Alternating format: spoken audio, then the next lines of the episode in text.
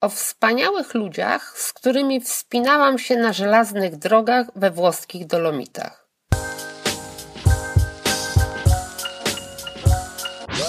Cześć, jestem Magda, a ty właśnie słuchasz dźwiękowej wersji mojego bloga magdablog.pl. Zaczynamy! Nieziemski team. Żelazne drogi w Dolomitach. W młodości zachorowali na góry. To nie była zwykła infekcja. Nie minęła po kilku dniach. Wirusy gór pozostały. W niepojęty sposób system odpornościowy zadziałał odmiennie. Wirusy rozmnożyły się i nadal są w ich organizmach. Nie opuszczają komórek, nie niszczą ich, bo góry są w nas już na zawsze. Przenoszą się od chorego człowieka do innych. Zarażają górami. Artur prowadzi moją grupę podczas wyprawy na Wiaferaty w Dolomity. Przedstawia się podając rękę, pakujemy bagaże do samochodu, którym Artur kieruje z wyraźną przyjemnością. Jest otwarty i wesoły. Żarty i śmiech towarzyszą dwunastogodzinnej podróży. Czuję się swobodnie. Mieszka w Zakopanem. Zazdroszczę mu bliskości Tatr. Jest przewodnikiem tatrzańskim i przewodnikiem międzynarodowym. Instruktorem spinaczki narciarstwa. Prowadzi grupy szkolne po Tatrach. Góry są jego pracą. Pada deszcz. Artur prowadzi z parasolką. Przez kilka lat pracował w pogotowiu w Zakopanem. Pomagał poszkodowanym w wypadkach górskich. Dlatego doskonale rozumie, że góry mogą być niebezpieczne. Doświadczam tego w kolejnych dniach. Wielokrotnie pomaga mi poprawnie ubrać uprząż. Tłumaczy zasady bezpiecznego przepinania karabinków na żelaznej linie. Nie okazuje zniecierpliwienia. Na co dzień zaraża górami czterech synów. Po górach właściwie nie chodzi, tylko biega jak kozica. Chwilami zbyt szybko. Mówi, że ma ADHD. Jest miło gadatliwy. Dzieli się swoją górską wiedzą. Przygotowuje wyprawę na czterotysięcznik z niewidomym podróżnikiem. Aby obniżyć koszty zainteresowanego, szuka sponsorów. Jestem oszołomiona. Takiej wspinaczki nie umiem sobie wyobrazić. Artur jest totalnie zakręcony górami.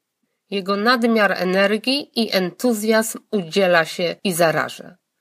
Uwielbiam pasjonatów. Michał, przewodnik tatrzański ratownik Topru.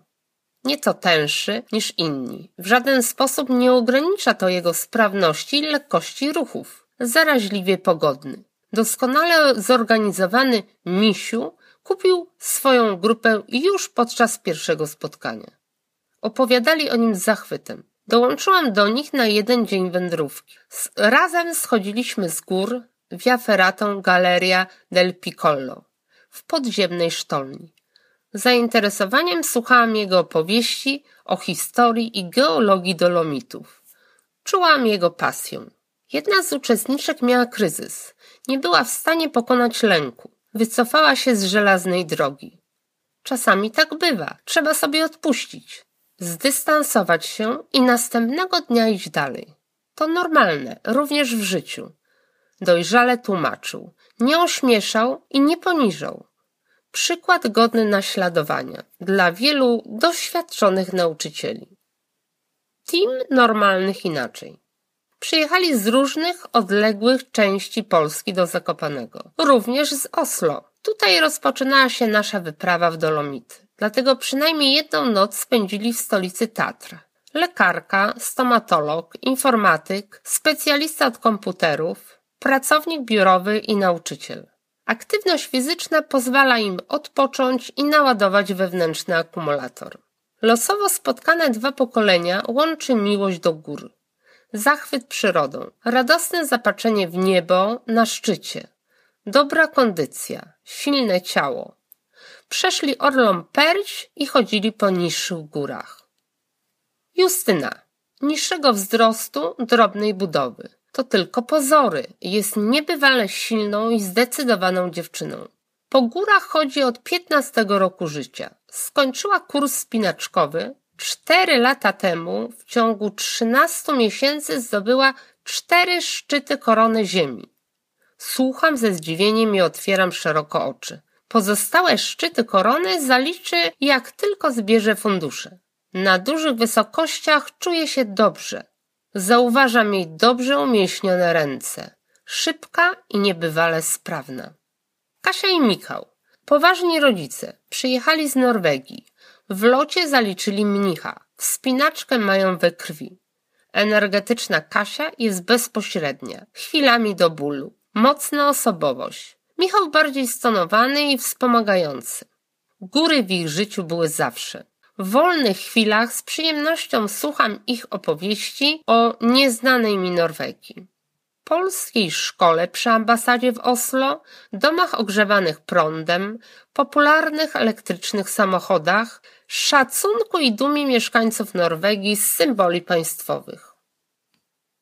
Tomek wzrostem najwyższy. Może również dlatego pokonywanie odległych klamr, drabinek nie sprawia mu kłopotów. Lekko porusza się po trawersach. Widzę jego daleko sięgający wzrok i zachwyt górami. Na żelazne drogi w Dolmitach wrócił po raz drugi. Tutaj odkrył inne. Wyciszony, chętny do pomocy. Podobnie jak inni ujmuje mnie serdecznością i kulturą osobistą. Z pewnością to nie jest jego ostatnia wyprawa. Wojtek. Choruje na góry, raczej milczący, powoli odkrywa karty. Zapalony narciarz. Dobrze zna pobliskie tereny. Z zimowych wyjazdów z rodziną. Wysportowany i sprawny w ruchach. Wysokie Tatry zainspirowały go na tyle, że chciał poznać inne żelazne drogi. Równym krokiem podąża ku szczytom. Ostatnie spojrzenie na góry. Z wysoko położonych przełęczy widać poszarpane szczyty dolomitów. Trudno zauważyć wspinaczy. Żelazne drogi, po których wchodzą na szczyty, są ukryte. Żołnierze, którzy je budowali, mieli być niewidoczni dla wroga. Mój team to ludzie, którzy nie rzucają się w oczy. Wielkość i klasę okazali w górach, na żelaznych drogach. Widzę przed oczyma wiaferaty i mój nieziemski team. Nadal idę ku chmurom. Jestem bardzo szczęśliwa, że Was poznałam i mogłam zrealizować swoje marzenie. Przeżyłam nieziemską przygodę. Na dzisiaj tyle. Jeśli chcesz być na bieżąco, zapraszam na mój Facebook, Instagram i blog. Do zobaczenia!